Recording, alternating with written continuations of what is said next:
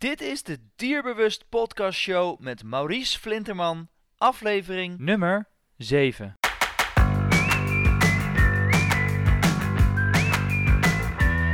Welkom bij de Dierbewust Podcast Show, waarin je luistert naar experts die je voorzien van de beste informatie, tips en tricks op het gebied van honden.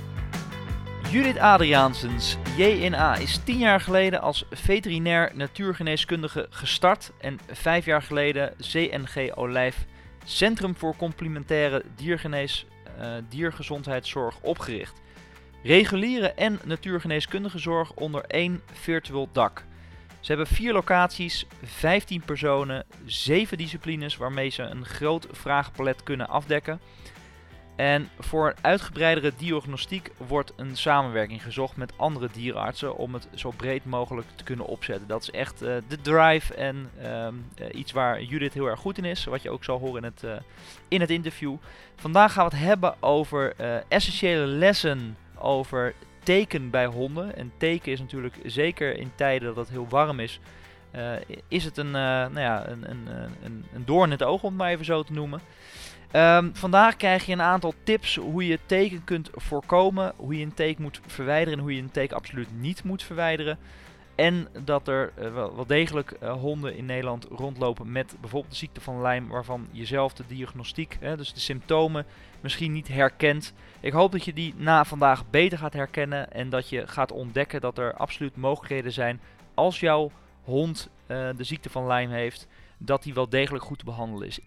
Verder hoor je of je, jij de ziekte van Lyme moet gaan vaccineren bij je hond. En gaan we het ook nog eens hebben over het ontwormen en de nadelige effecten daarvan als je dat op regelmatige basis doet. Ik wens je heel veel luisterplezier. Vandaag gaan we in gesprek met Judith Adriaansens. Uh, Judith, welkom bij de Dierbus podcast. Dank je. Leuk dat je, dat je bij ons uh, erbij bent en uh, we gaan het vandaag hebben over het onderwerp teken bij honden. Want het moment van opnemen uh, ja, is het ontzettend warm buiten. En uh, hebben we dit jaar ontzettend veel last van teken. Teken beten bij honden. En het is een uh, veel besproken onderwerp. En mijn eerste vraag is dan ook gelijk: wat is nou eigenlijk het gevaar van een tekenbeet bij een hond? Eigenlijk het gevaar is dat um, als de weerstand niet op orde is, dat de symptomen niet worden herkend. Ze zien wel dat een dier niet helemaal lekker in zijn vel zit, of een plotseling een ontsteking heeft, of ineens kreupel gaat lopen. Of, maar de diversiteit aan, aan symptomen is zo groot dat, het, um, dat, dat mensen vaak niet weten, of een dierarts niet weet, uh, waar die moet beginnen. Ja. Yeah.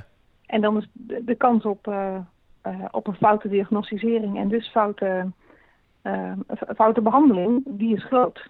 Omdat um, op het moment dat je een acute uh, beet hebt, um, werkt um, de antibiotica goed. Het doxycline kan dan echt substantieel, niet lang genoeg gebruikt, omdat de teken een erg lange voortplantingscyclus heeft. Um, dus uh, twee weken, drie weken antibiotica is doorgaans niet genoeg, omdat je dan niet die cyclus door, uh, doorbroken hebt.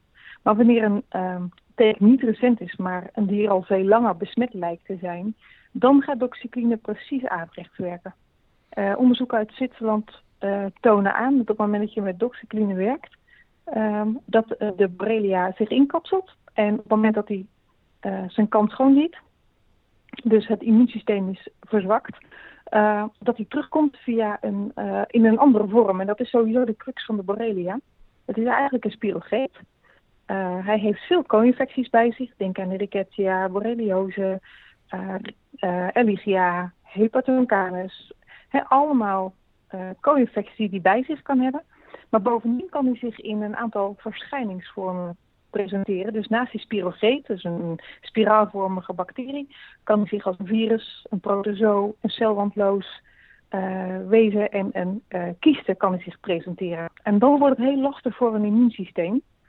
Als een parasiet gaat zitten op plekken die slecht door bloed zijn en daar dus waar geen bloed kan komen. Ja. En dat is wel echt hetgene wat we willen weten uit, uh, uit bloedonderzoek natuurlijk. En daarom is het zo ongelooflijk lastig diagnosticeerbaar. Ja, want je geeft net al aan van de symptomen zijn slecht, uh, her, worden slecht herkend hè, door zowel dierenartsen ja. als, uh, als ja. hondeneigenaren, hondenliefhebbers. Ja. Um, kun jij daar wat meer over vertellen wat dan die uh, symptomen zijn, waar je, waar je het goed aan zou kunnen herkennen? ehm, huidsymptomen, verminderde weerstand, rare ontstekingen, ehm, wisselende kreupelheden, wisselende gewrichtsontstekingen. Dat zijn eigenlijk de meest voorkomende. Maar wij weten ook dat als we in de literatuur gaan kijken, dat de Borrelia toneelspeler wordt genoemd. En hij kan echt heel veel ziektebeelden kan nadoen. Hij kan het lichaam aanzetten tot ziektebeelden. Daar, daar, ga je nooit Borrelia achter zetten. Dat ga je niet weten. Tenzij je hem kunt meten. Ja. Maar dan is natuurlijk dus de vraag van, uh, ja, hoe, ja als, als het zo lastig is, hoe, hoe ga jij dan te werk op het moment dat je uh, dat een hond bij jou binnenkomt. Uh, want ja, wat je net al zegt, hè, hij geeft eigenlijk heel veel ziektebeelden, kan hij, kan hij aangeven, bij, of hè, kan hij laten zien bij een hond. Klopt. En als ik bijvoorbeeld huidallergie zie bij een, bij een hond, dan zou ik inderdaad ook niet in eerste instantie gelijk denken aan een teek. En zo ook met, waarschijnlijk mm -hmm. met kreupelheid. hoe kom je er dan toch achter dat het een, dat het een tekenbeet is bij een hond? Um, wij hanteren binnen, binnen de praktijk hanteren we een protocol en dat protocol, dat gebruikt iedereen. En het is een manier van kijken. Ik ga, wij gaan ervan uit dat wij kijken, bekijken het lichaam als geheel. Uh, waarbij het BWRS, het biobaasregulatiesysteem, dus het bindweefselsysteem in ons lichaam, de centrale rol speelt. Um, en uit, die, uit dat bindweefselsysteem halen we de informatie met behulp van de leggerantenne. Um, en als het nodig is, gebruiken we aanvullende diagnostiek. Halen we de informatie van hé, hey, wat is er met het lichaam aan, uh, aan de hand? En doordat je met behulp van frequentie werkt, kun je die trilling opvangen en weet je dat die borrelia er is. Uh, bovendien weten we inmiddels uit, um, uit literatuur, maar ook inmiddels uit ervaring, dat een borrelia erg goed is, maar dat doen meer parasieten hoor, zich inkapselen. Ze mhm. maken een biofilm, een zogenaamde biofilm.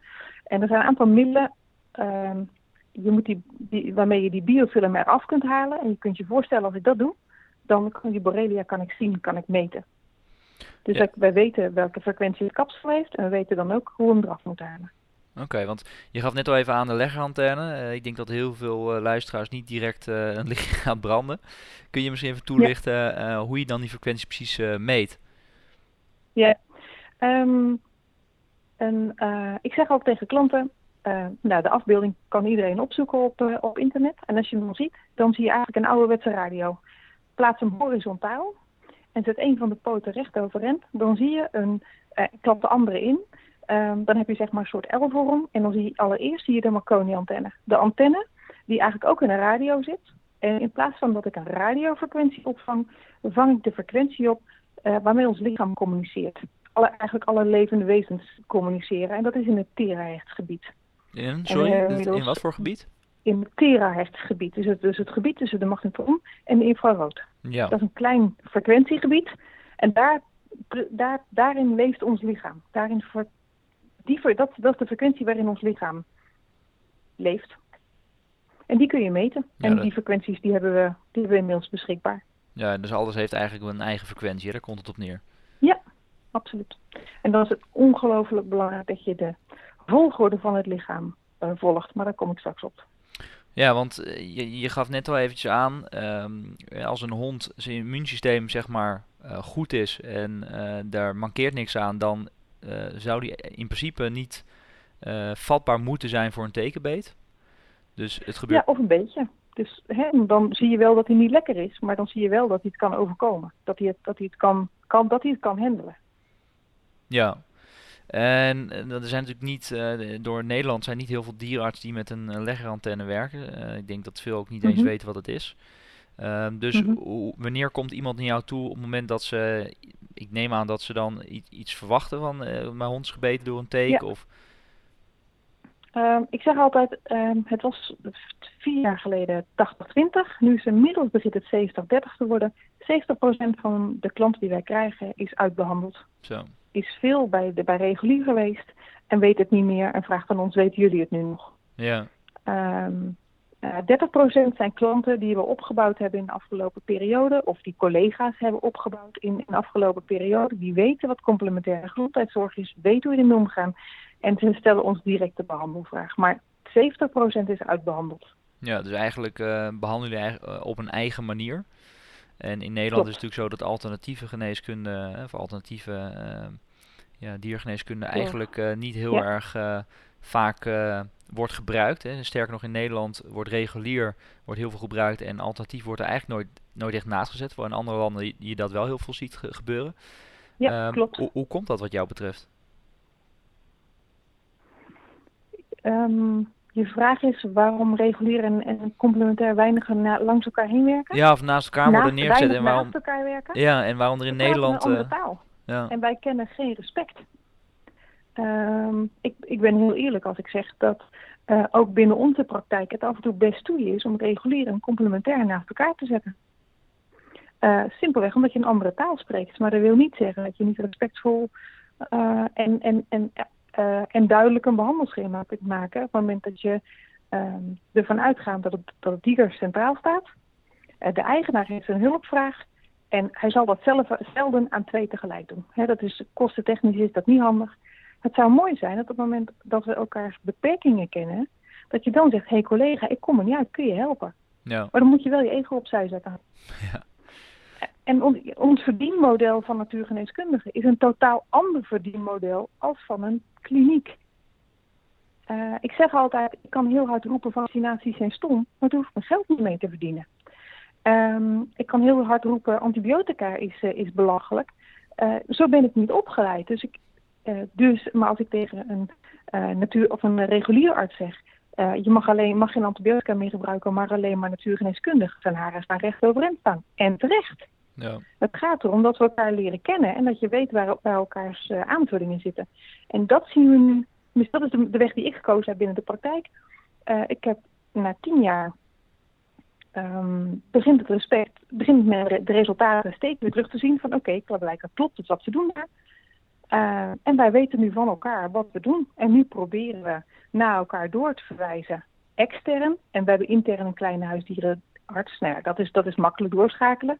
Maar externe dierenartsen, die weten nu uh, hoe wij werken. En kunnen nu de hulpvraag stellen van... hé, hey, kom daar niet uit. Hoe zou jij het doen? Ja. Ja, waardoor je beter En dan moet je elkaar informeren. En dat is uiteindelijk is daar de klant uh, is daarmee uh, bij gebaat. Ja, ja, precies. En, en Judith, even terug naar, de, naar het onderwerp teken. Mm want een take die is natuurlijk in meerdere vormen. Um, ze dragen meerdere ziektes uh, met zich mee. Ja, en de hamvraag is denk ik van de meeste hondenliefhebbers, uh, ja, hoe kun je nou eigenlijk een take bij je hond voorkomen? Want je wilt in principe wil je, het, wil je het voorkomen in plaats van dat je het gaat bestrijden uh, bij je hond. Klopt. heb je daar nog tips voor? Ja, um, wat nog wel even een belangrijke aanvulling is, is dat inmiddels duidelijk is dat niet alleen de teken de Borrelia-drager zijn. Inmiddels weten we ook uit uh, goed onderzoek van het laboratorium in Weer dat ook de dazen en de horzels uh, de Borrelia bij zich dragen met alle ellende van dien. Dus dat is nog wel even een belangrijke. En muggen worden op dit moment ook verdacht, maar dat onderzoek is lastig. Maar dat is wel belangrijk ook voor de paardenmensen. Um, dan terug naar jouw vraag. We hebben daar uh, zeg maar zo'n handleiding voor gemaakt in drie stappen. Um, zorgen dat je, uh, dat je lijf gezond is, is basis nummer één. Denk aan stress, denk aan huisvesting, denk aan gewone voeding en denk aan een immuunsysteem dat op orde is. Um, dat is één. Um, dagelijks controleren, dat iedereen blijft de allerbelangrijkste. Uh, en dan vervolgens is natuurlijk het afweren belangrijk. Uh, binnen onze praktijk kiezen we voor een interne en externe bescherming, een combinatie daarvan. Wat je aan de buitenkant een scherm maakt, zodat uh, dat teken op het lijf komen verdoofd worden. Of in ieder geval daardoor langer de tijd nodig hebben voordat ze zich kunnen vastbijten. Of dat er een geurscherm ontstaat waardoor je niet interessant bent. En aan de andere kant zorgen dat je binnen het dier onaantrekkelijk maakt uh, voor parasieten. ja, en daar zijn redelijk wat middelen voor beschikbaar inmiddels om, om die combinatie op basis van natuurlijke middelen te maken om, om teken te weren of in ieder geval te minimaliseren.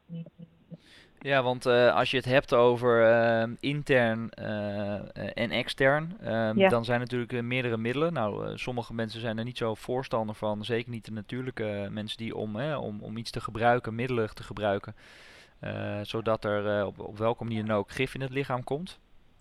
Mhm. Eh, op, op wat voor manier eh, doen jullie dat dan? Doe, doe je dat dan wel met... eh, Op basis van kruiden en op basis van tincturen. Er zijn, buiten dan heb je natuurlijk de ehm kruiden tincturen. En daarnaast heb je ook de, eh, wacht even, de fenugreek en de knoflook horen daar ook bij. En de diatomeenaarde is ook een eh, inwendige. Dat is natuurlijk geen, dat is geen kruid of geen eh, dingen. Ehm, en wat belangrijk is, is dat je niet roept, dit is de oplossing. Want het blijkt dat voor iedere hond of kat ehm, er een ander middel passend blijkt. Er is niet één perfect middel, om het zo maar eventjes te zeggen.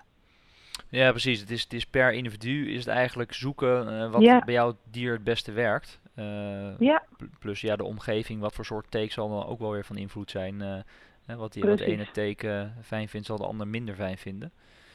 Dus Mhm. daar is het eigenlijk heel erg zoeken naar ehm, hoe of wat. Want wat je nog wel in de praktijk ziet, en eh, daar, daar gaat op internet eh, gaan er best wel wat verhalen over rond. Ik weet niet hoe ver jij daarin eh, over geïnformeerd bent. Het middel Brafecto onder andere. Ehm, daar zijn echt petities tegen, ehm, waarin nog heel veel dierenartsen, waaronder dierenartsen ehm, ja, in de omgeving die ik ken, die het gewoon nog veelvuldig Ja. voorschrijven. En voor, de, voor de luisteraar, Brafecto is een middel wat, wat tegen teken en, en vlooien wordt gebruikt. Ja. Maar wat eh, eigenlijk, ehm, als je het meerdere malen achter elkaar gebruikt, is geloof ik een pil die je kan innemen. Die, Ja, het is een pil, wordt, het duurt, het heeft een werkingsduur van drie maanden.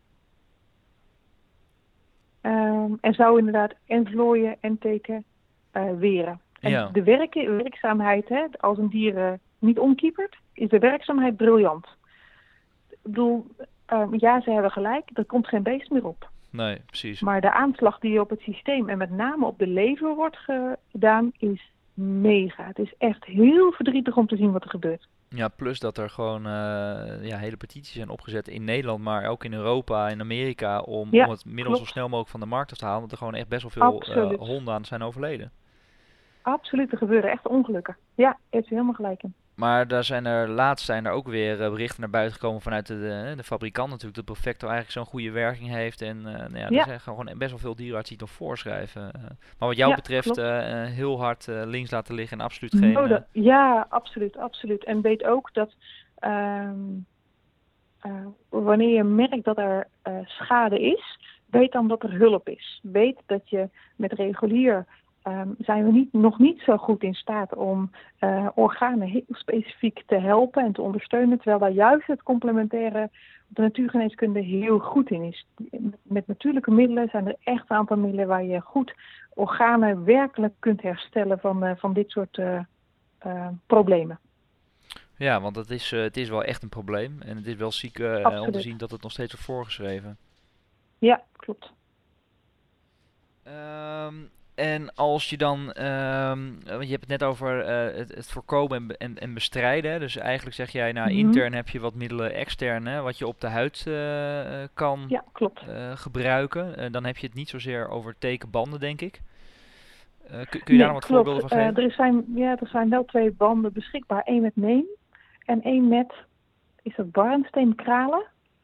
Ehm ik vond het zelf verbazingwekkend, maar ik heb er echt hele bijzondere resultaten van gezien. Dus dat is heel gaaf om, eh, om te zien. Het zijn kralen Ja. En eh, de creatieve mensen onder ons maken daar halsbanden van door ze te knopen. Eh, en natuurlijk kan dat niet in iedere situatie, omdat het niet, heel, niet altijd even veilig is. Maar het heeft echt hele goede werking. Oké, Dat is mooi om te zien. Ja, en die neembanden doen ook mooi hun werk. Misschien wel aardig om, eh, om daar eh, onder het blog zometeen eh nou ja, wat verwijzing naar te geven. want Ik denk dat niet heel veel mensen Ja, gelijk absoluut. kunnen, kunnen vinden. Ja.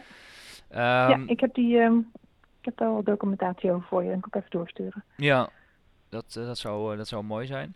Ehm, Ja. want, want bij de teken, we hebben het eigenlijk al aangegeven, er zijn natuurlijk meerdere soorten teken. Er zijn meerdere soorten ziektes Ja. die ze bij zich dragen. Het zijn niet alleen eh, teken die dus de ziekte van onder andere Lyme met zich, met zich meedragen. Want dat zijn natuurlijk de, de, de bekende waarvan eh, ja, als je het hebt, eh, hè, als je eh, ziekte van Lyme hebt, dan heb je wel gewoon echt een, een probleem. Eh, eh, kun je daar wat meer eh, over vertellen? Want sommige mensen kennen misschien niet eens de ziekte van Lyme. eh, wat de symptomen daarbij zijn en eh, nou ja, wa- wat jij ziet in je praktijk, hoe vaak dat nog voorkomt. Mm. Even kijken hoor. Ik me even af te vragen wat, wat een wijze insteek is. Ehm, ehm, ik denk dat ik je vraag niet helemaal begrijp. Wat zou je meer willen weten? Nou, ik denk dat heel veel mensen um, teken kennen ze. En er wordt op internet ook gezegd dat een klein percentage van die teken, meestal rond de 20 procent, 1 op de 5 teken, de ziekte van Lyme met zich meedragen. Mm alleen, ja, heel veel hondenliefhebbers, die zijn natuurlijk heel bang voor dat een hond het krijgt. Maar kennen waarschijnlijk niet eens de symptomen eh, die de ziekte van Lyme uh, met zich meebrengt. Kun je, kun je daar iets meer over vertellen? Dus de symptomen die een hond heeft na de ziekte van Lyme? Uh, ja, um, zoals in het begin ook aangegeven, die, um, die symptomen kunnen echt heel, heel breed zijn. Van huid tot weerstand, tot kreupelheden, tot agressief gedrag. het feit dat mensen de kreupelheden zien doordat de wervelkolom um, vastzit. Uh, dus maar bij herhaling um, uh, naar de osteopaat gaan en, en, bijvoorbeeld geen verbetering zien.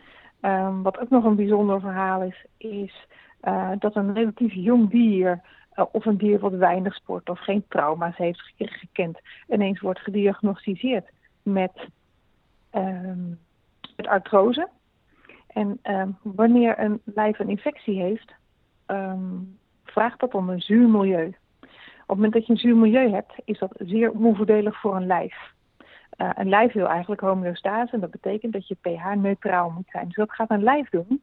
Een lijf gaat kalk aanvoeren. Dat is op zich geen, um, dat is niks nieuws. Hè. We weten dat op het moment dat er ontstekingen in het lichaam plaatsvinden, dat er verkalkingen kunnen plaatsvinden. Mm Um, wij kunnen die meten, die, uh, die verkalkingen. Maar je kunt je voorstellen dat in een knie of in een groot gewricht gebeurt en uh, een, een dierarts gaat een foto maken, dan ziet die verkalking ziet eruit alsof er artrose is. Dus wat zo'n zo dier krijgt de diagnose, oh hij heeft artrose in zijn rechtervoorknie.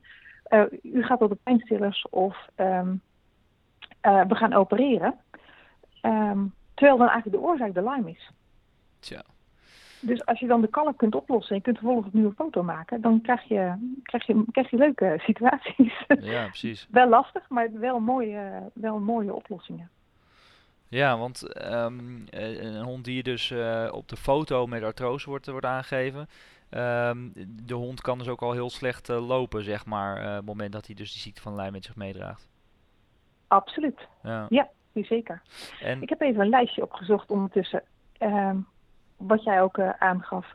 Um, wat ook veel voorkomt is dat we uh, grote hormonale problemen, uh, kiezers rond de schildklier, aanhoudende bloedarmoede, hormonale onbalans inderdaad, slecht hellende wondjes, maar dat heeft vaak te maken met een, een, een hormonaal beeld.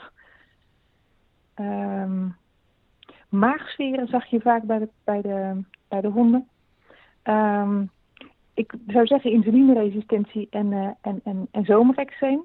Ik denk dat, dat um, een groot aantal diagnoses, zomerexeem of aanhoudende jeuk en, en krabben, dat dat uiteindelijk uh, Lyme is. Ja, want dan gaf je net voor het interview al even aan dat, uh, dat honden dan heel vaak uh, bij een nou ja, kont slash anaalklier aan het bijten zijn, hè? Klopt. Ja, klopt. Ja, want, heb je helemaal gelijk in. Want daarin zie je ook vaak uh, honden die natuurlijk last van een naalklier hebben, die worden, wordt er aan naalklier uitgeknepen, maar dan gaat het probleem niet weg, waardoor ze toch elke keer uh, daarachter blijven bijten. dat kan dus duiden op... Precies, het is een... Klopt. En het is, een, uh, het is een klier. Dus als een klier gestimuleerd wordt, of het dan in of extern is, dan maakt het niet uit. Uh, op het moment dat een klier gestimuleerd wordt, zegt die klier, best mooi, ik ga nog meer produceren. Uh, zodat ze uiteindelijk in een cyclus terechtkomen waarbij ze iedere vier weken zo'n nauwkleer laten uitdrukken. Terwijl de probleem, het probleem doorgaat is dat infectie in de achterkant van de wervelkolom gezeten heeft. Uh, en daar zit de innovatie van de anaalkleren. Dus als de infectie daar gezeten heeft en er heeft een blokkade op gezeten, uh, dan gaat het ten koste van het functioneren van de anaalkleren. Ja. Vaak zie je dan dat als we de infectie hebben opgeruimd, inclusief de verkalking, uh, dat die uh, osteopaat de innovatie van, dat, van die achterhand kan herstellen. Uh, en dat je dan ziet dat het probleem oplost. Hm. Want hoe behandelen jullie dan precies de ziekte van Lyme? Want jullie zijn er best wel gespecialiseerd. Jullie, jullie behandelen ja, veel ziekte van Lyme bij, bij honden, maar ook bij andere dieren. Ja. Kun, kun je daar wat meer over vertellen? Um, sowieso, dat gebeurt bij ons via een bepaald protocol wat, wat iedereen bij ons gebruikt. Dus, onze zaken zijn dat opzicht transparant. Ehm, en wat we doen is dat we, uh, dat we in een zogenaamd lagend systeem werken.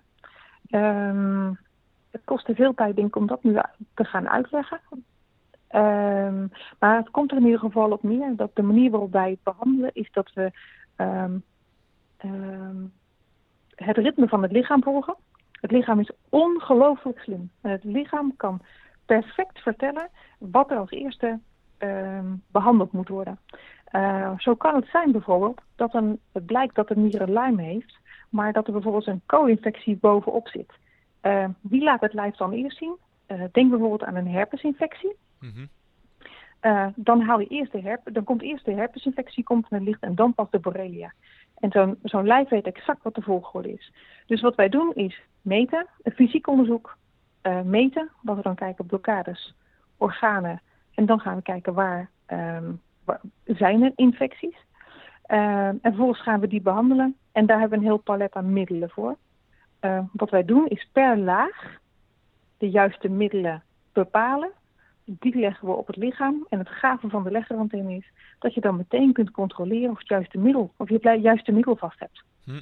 Inclusief de doseringen. Uh, en als je dat weet, en het maakt overigens niet uit of je dan met een regulier of met een natuurlijk middel uh, werkt. De legger vertelt, hè, je weet welke waardes je moet hebben. En je kunt meteen controleren, werkt dit juist? Um,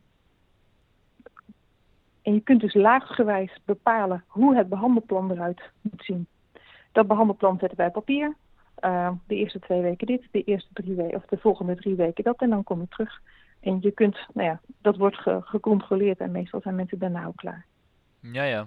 Dus een, uh, nou ja, een eigenaar is nog wel even uh, mee zoet. Het is wel een aantal weken waar die doorheen uh, ja, moet gaan. Wij zeggen doorgaan gewoon als een dier eigenlijk gezond was en er weinig bijzonders aan de hand was, dan is het vaak zes weken, drie tot zes weken. Er zijn natuurlijk hele complexe gevallen. Dieren die slecht in de vel zaten, een trauma hebben, uh, andere problemen daaronder. Daarvan, of echt de chronische gevallen, die bijvoorbeeld als jonge pup al aangedaan zijn geweest. Wat is inmiddels duidelijk dat het via de baarmoeder overdraagbaar is, de Lyme. Um, daarvan uh, zien we nu duidelijk dat het belangrijk is, is dat we die dieren uh, één keer per half jaar en één keer per jaar, dat we in ieder geval contact houden met de eigenaar. Dat, hoeft, dat ligt even aan dat het een consult is. Mm -hmm. uh, maar we houden wel contact met die eigenaar. En wat we doen is dat we ze een preventief advies geven, omdat het um, wat nooit meer hetzelfde wil zijn, zijn enten en um, ontwormen en andere ingrepen. Alles wat het immuunsysteem aangaat, um, zijn momenten waarop als die borrelia niet helemaal het lijf uit is, de kans gaat gewoon zien om, uh, om toe te slaan. Ja. Tenzij je weet hoe je dat immuunsysteem optimaal moet hebben. En dat kun je een klant leren. En de klant leren wil zeggen dat hij het uiteindelijk dus zelf de hond kan uh, sturen daarin? Of? Ja, absoluut. Ja, dat zijn relatief simpele uh, voorbereidingen die je kunt doen. Dat als je een enting geeft, dat je kunt zorgen dat je het lijf fatsoenlijk voorbereidt. En je weet op het moment dat je vaccineert, dat je bijvoorbeeld nu de cocktail, dat je het niet meer uh, ieder jaar moet doen, maar dat inmiddels de DHP één keer per drie jaar wordt geënt. Weet je, dat is aan de ene kant natuurlijk kennis geven, aan de andere kant ook weten hoe kun je dan zo'n vaccinatie ontstoren. En hoe kun je zorgen dat je de kwik en de aluminium en de formaldehyde eruit haalt. Ja, ja exact. De bijstoffen dat is wel uh, ook goed om te weten. Ik denk dat heel veel mensen dat ja. sowieso niet weten. Dat natuurlijk. Uh, kun, kun, je dat wat meer, meer toelichten even? Um, ja, tuurlijk. Want uh, ik denk dat heel veel mensen dat nou ook niet weten. Zeker bij regulier wordt een enting gegeven nadat ze natuurlijk getiteld hebben. Ja. Als de enting nodig is, um, dan gebruik je er iets voor na dat geef, voeg je die iets toe eigenlijk hè, na de enting, zodat die stoffen sneller het lichaam verlaten. Ja, er zijn twee stappen. Eén, je kunt alleen maar de uh, levende vaccins en niet de dode vaccins enten, uh, titeren. Dus je kunt alleen maar de DHP en de rabies kun je titeren. De kennelhoes en de lepto niet, dus dat is jammer. Maar goed, zover is het techniek nog niet. Dus de lepto en de kennelhoest wordt nu standaard één keer, in de, één keer per jaar gegeven. Ja, lepto is dan ziekte voor wel, hè, voor, de, voor de mensen die dat niet weten. Precies, ja. ja. ja. Uh, en daar, ook daarvan is het, daarover is natuurlijk veel te doen geweest. Die L4 was ook geen grapje. Nee. Niet voor niks komt er binnenkort die L3 uit. Um, Even nadenken hoor. En dan de DHP wordt getiterd. ehm, bekeken of het nodig is. En als mensen dat doen, is ons advies altijd: uh, kijk even wat het, passende middel is om het immuunsysteem op orde te krijgen. Ehm, in combinatie met uh, of celzouten of in combinatie met een inverse. Ik geef het voorbeeld, geef ik zelf aan het laatste om een inverse te gebruiken. Ehm, dat werkt het fijnst. Het is klein, het is goedkoop, bijzonder effectief. En het voorkomt vaak, het voorkomt vaak ellende. Dat geef je één week van tevoren, twee weken na. En mensen zijn uh, voor relatief weinig geld, hebben ze het lichaam voorkomen dat hij heel heftig reageert. En dan een x aantal weken daarna zorg je inderdaad dat je met een passend middel um, de bijstoffen uit het lichaam haalt. Dus inderdaad, kwik, de aluminium, de formaldehyde en dat soort zooi. Ja. En, de, en wat, wat dien u dan toe uh, om dat eruit te halen uiteindelijk? Ja, het belangrijke is dat je het passend doet. Maar goed, ik zeg altijd, hoe meer je, uh, hoe meer je weet met die leggen, hoe kritischer je wordt. Je kunt zo mooi afstellen. En dat maakt ook dat je heel, uh, heel erg daarop gaat letten. Maar je, natuurlijk, je kunt een lichaam groene leem geven. Zo sterke mariedistel. Je kunt een detox geven. Erik heeft daar mooi van Cytonics voor uh, ontwikkeld. Nee, later, weet je, dus er zijn meerdere manieren om een lijf schoon te maken. Ja, en als we het dan hebben over vaccinaties, hè, want je hebt natuurlijk ook de ziekte van Lyme die je kan vaccineren. ja. Ehm, ben je daar een voorstander van? Nee. Nee, als je de, um, sowieso ook daar zien we veel bijwerkingen. Daar is ook al binnen de dierenartsen zoveel tumult over. Niet alleen uh, natuurgeneeskundigen, maar ook regulier is men er niet alleen maar blij mee. Uh, maar vooral als je naar de samenstelling kijkt van de vaccinatie. Er zitten drie Burgdorferia um, dus onderdelen van de, van de Borrelia zitten erin. Terwijl we allemaal weten dat de gemiddelde, er zijn geloof ik zeven of acht verschillende uh, Borrelia-varianten uh, aanwezig, beschikbaar. Uh, bovendien heb je ook nog allerlei co-infecties, de Rickettsia, de Borreliose, de Erligia, de Hepatodencanus. Dus hij is en dekkend en hij heeft veel bijwerkingen. Ja. Dus um, ik zou er geen voorstander van zijn. Nee. Nee, helder. En, en, en Judith, um, ik kan me voorstellen, want uh, nu als je door de, de nou ja, heide of voornamelijk het bos loopt, uh, dan heb je al mm -hmm. snel heb je een teken, heb je hond een teken te pakken. Nou, bij mensen en ook ja. bij honden weten we eigenlijk dat op het moment dat jij een teken op je lichaam ziet, dat je hem zo snel mogelijk moet verwijderen. Want een teken heeft uh, toch wel mm -hmm. iets van 24 uur nodig om zeg maar zijn ziektes over te kunnen dragen via het bloed, via de bloedbaan. Mm -hmm. Um, ja. Maar ik kan me ook voorstellen dat uh, nou ja, ook na een T-controle, en dat zie ik bij mijn hond Sam ook, uh, ja, dan kom je er toch wel eens achter dat er ergens nog eens een teken zit die er langer dan 24 uur zit. Um, ja. Moet je dan zorgen maken? Of... Voor mij, um, ik zeg altijd tegen klanten, zorg dat je hem er goed uithaalt. Op de juiste manier. Daar zijn duidelijke voorschriften voor. Dus ga hem niet uh, bedwelmen met alcohol. Zorg dat je een goede tang hebt. Zorg dat je je handen daarna goed wast zet in je agenda wanneer je die teken eruit hebt gehaald waarvan je denkt, nou, dat is echt langer geleden als die 24 uur.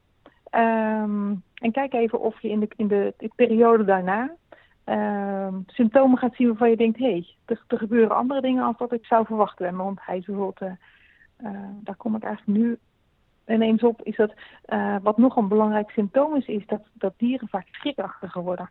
En dat komt omdat de Borrelia met name de nieren gebruikt mm -hmm. om zijn afvalstoffen te dumpen. En nieren staan voor angst. En dat klinkt heel zweverig, maar we zien het echt terug in het beeld bij de honden.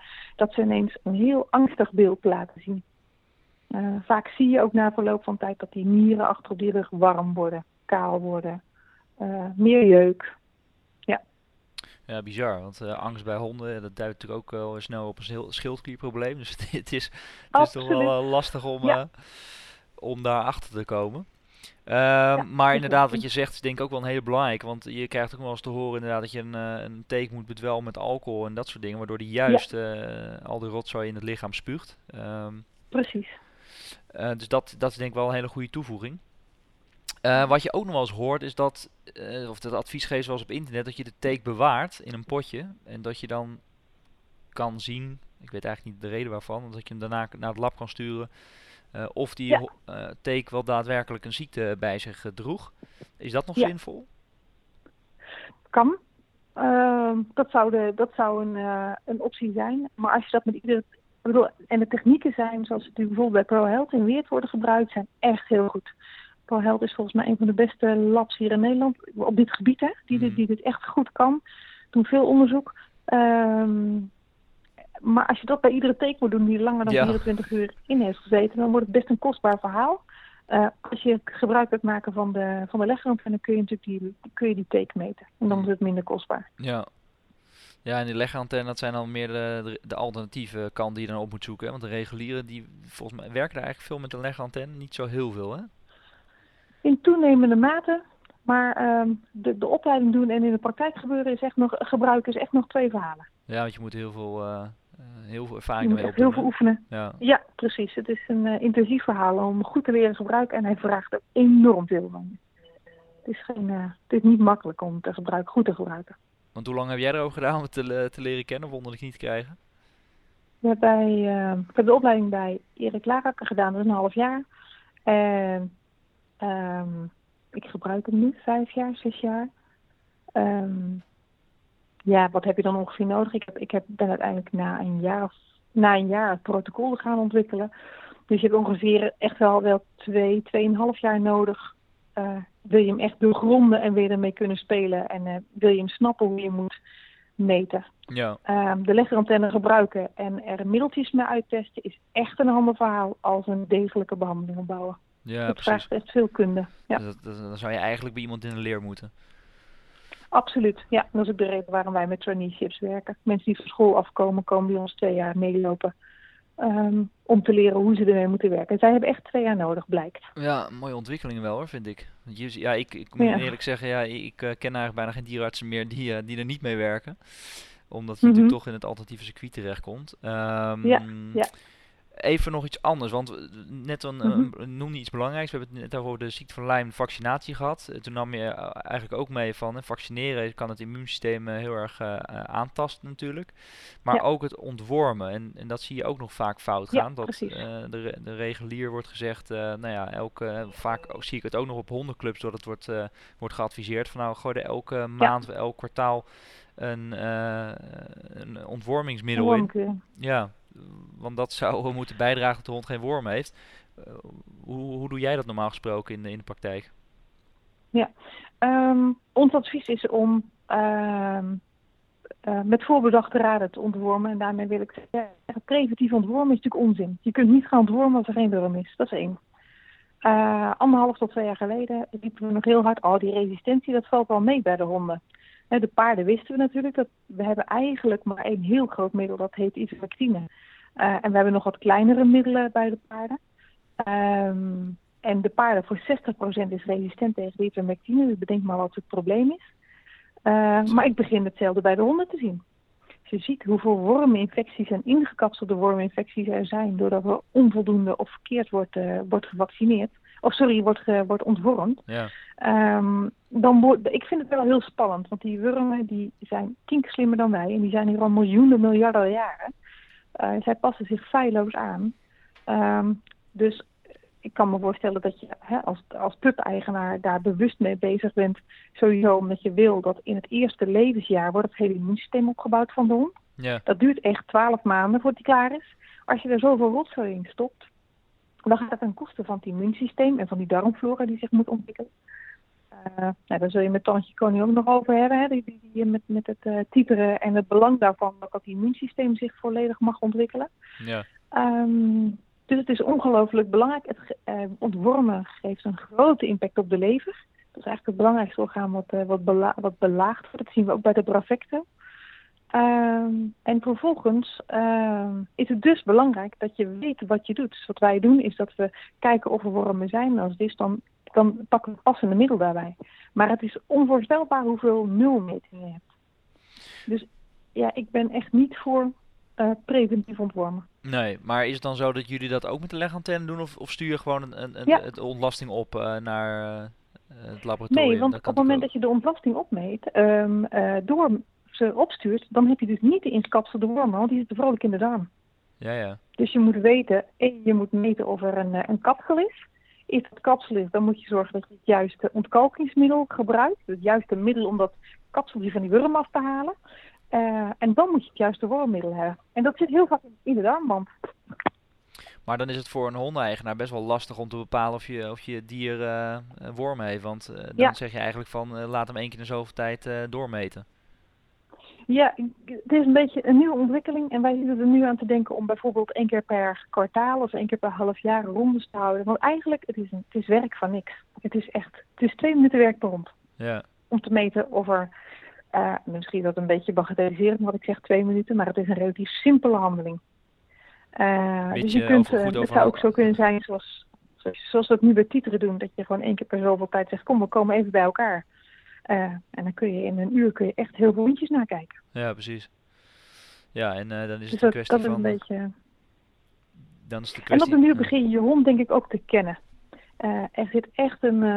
er zit echt wel een lijn in waar de ene hond voor bevattelijk voor is en waar de andere hond bevattelijk voor is. Dat is wel bijzonder om te zien. Als je dingen gaat opschrijven welke woorden je had, dan ga je logica zien. Dat is wel mooi om te zien. Hm interessant allemaal. Um, nou, we zullen het uh, niet al te lang maken, want we, we zitten al uh, over het half uur heen. Wat ik wel altijd nog heel okay. erg belangrijk vind, voor de, voor de dierbewuste fans ook. Wat is jouw belangrijkste levensles of inzicht die je tijdens nou ja, jouw hele carrière eigenlijk met het behandelen van honden hebt geleerd? Wat was nou je grootste eye-opener? Oké. Okay. Um... Um... Wat betreft het, maar daar had je het en daar ging ja niet zozeer over dat gerelateerd aan lijn, dus dat laat ik dan eventjes um, wat is. En wat ik eigenlijk het allerbelangrijkste vind, is dat we als, uh, wat ik geleerd heb als therapeut, dat het allerbelangrijkste is, dat datgene wat je doet, dat je dat met draagvlak van de eigenaar doet, dat hij weet uh, wat je doet, dat je dat vervat in een duidelijk verslag. En als dat zo is, als je die verbinding met die klant hebt, dan zie je ook dat de effectiviteit van je behandeling beter is. Uh, twee, uh, respectvol naar collega-behandelaars. Juist, we moeten naar het complementaire doen, anders redden we het niet. En dat is niet in het belang van mezelf, maar in het belang van de, van de dieren, denk ik, dat we gaan samenwerken. Want ik denk dat we op die manier uh, beter bestand zijn tegen datgene wat, wat de toekomst ons, ons gaat, uh, gaat brengen. Ja. Um, ja, en herken je grenzen en communiceer en overleg met de collega's. Maar dat is natuurlijk een beetje in het verlengde wat ik um, uh, wat ik net eigenlijk ook zei over dat uh, blijf respectvol naar collega-behandelaars. En dat is ook een beetje de passie in dit vak. Ik bedoel, de dieren beter maken, dat is leuk. Dat is, dat is het mooiste vak wat er is. En ik vind het geweldig om nieuwe dingen uit te bedenken en behandelmethodes te bedenken. Daar ben ik ook goed in. Uh, maar mijn kracht zit in verbinden. Dat complementaire, dat samenwerken, die brug naar regulier, dat is mijn passie. Dat wil ik graag. Ja, leuk. Um, dus dat is ook echt iets waar ik heel hard mee bezig ben binnen mijn binnen ons bedrijf. Dus als het dierenarts ook luistert, dan sta je ook heel erg open voor samenwerking hè, daarin? Heel graag, ja, absoluut. En dat wij als natuurgeneeskundige dingen zouden moeten aanpassen om het passend te maken, dat wij nog veel te leren hebben. Ik twijfel er geen seconde over. Ja. Dat, het moet wel echt van, het, het kan ook echt van twee kanten komen. En er valt echt nog heel wat uh, te leren aan twee kanten, absoluut. Ja, nou ja, mooie, mooie brug en mooi einde denk ik uh, om, het, om het zo samen Okay. te vatten. Met betrekking tot de teken Mhm. is denk ik wel even goed om, om dat ook nog even samen te vatten. Dus er is wel degelijk een, een gevaar als een teken langer dan 24 uur op je, op je, op je hond zit. Uh, probeer het niet Ja. te bedwelmen met, uh, met alcohol en, en dat, dat soort uh, zaken. Haal hem, haal hem weg met een goede tekentang en, en, en was je handen daarna goed. Ehm, eh, daarnaast is het denk ik belangrijk dat ze ehm, het in, eh, intern en extern eh, middelen inzetten bij een hond om het Beschermen? eh, te Ja. beschermen. En dat zijn Mhm. dan geen eh, middelen met chemische bestrijdingsmiddelen erin, zoals een Bravecto, maar dat zijn natuurlijke middelen. Nou, daar, daar kunnen we wel iets op Ja. het blog ook over zetten, zodat ze dat eh, terug kunnen vinden. En Mhm. eh, ja, hou de symptomen eigenlijk heel goed in de gaten van je hond. Hè? Dat als die een keer kreupel of, of, of eh, nou ja, een van de symptomen die je net allemaal hebt genoemd, eh, zoals een artrose, jeuk, huidallergie en dat soort zaken, dan voorkomt, dan zou het dus te maken kunnen hebben met de ziekte van Lyme. Of Ja. een, al- een andere bacterie van een teek. Ehm, dus ja, dat is wel, wel goed om te weten, denk ik. Eh, zodat je eh, Ja. nou ja, sneller eh, ergens komt waar je behandeld zou kunnen worden. En dat gebeurt dus bij jullie in ieder geval door middel Precies. van een legantenne. Ja. Ja, en, en weet dus dat er echt een aantal praktijken in Nederland zijn waarbij de Lyme op een goede manier behandeld kan, kan worden. Het is echt geen eindstation het is ook geen, ehm, nou ja, het, het, is niet zo dram het is niet zo dramatisch. Ja, het, het, het, het is uiteindelijk een aantal keer dramatisch en loopt het fout af. Maar uh, het is wonderlijk om te zien hoe de dieren het oppikken en, en eigenlijk ervan herstellen. Absoluut. Dus er is gewoon behandeling mogelijk. Ja, nou dat is het positieve, positieve nieuws dan. Ja, absoluut. Judith, ja, hartstikke bedankt. Heel en graag uh, we gaan elkaar uh, zeker nog tegenkomen in de toekomst, denk ik. Oké, okay, hartstikke leuk. Oké. Okay. Hey, dankjewel voor je tijd en tot horen. Tot ziens. Ja. Bedankt weer voor het luisteren, Dierbewust fan. Super leuk dat je weer tot het einde bent gebleven. Ik hoop dat je een hoop hebt geleerd. Op het blog zul jij de aflevering terugvinden waar we meer informatie geven wat er uh, besproken is. Dus de links naar de, bijvoorbeeld de middelen uh, die Judith heeft besproken. Ga naar dierbewust.nl slash 7. Dan bedoel ik het cijfer 7. dierbewust.nl slash 7. Ik bedank je weer voor het luisteren naar onze podcast. Ik hoop dat je de volgende keer weer bij bent. En dan gaan we weer een heel mooi interview tegemoet. Tot dan!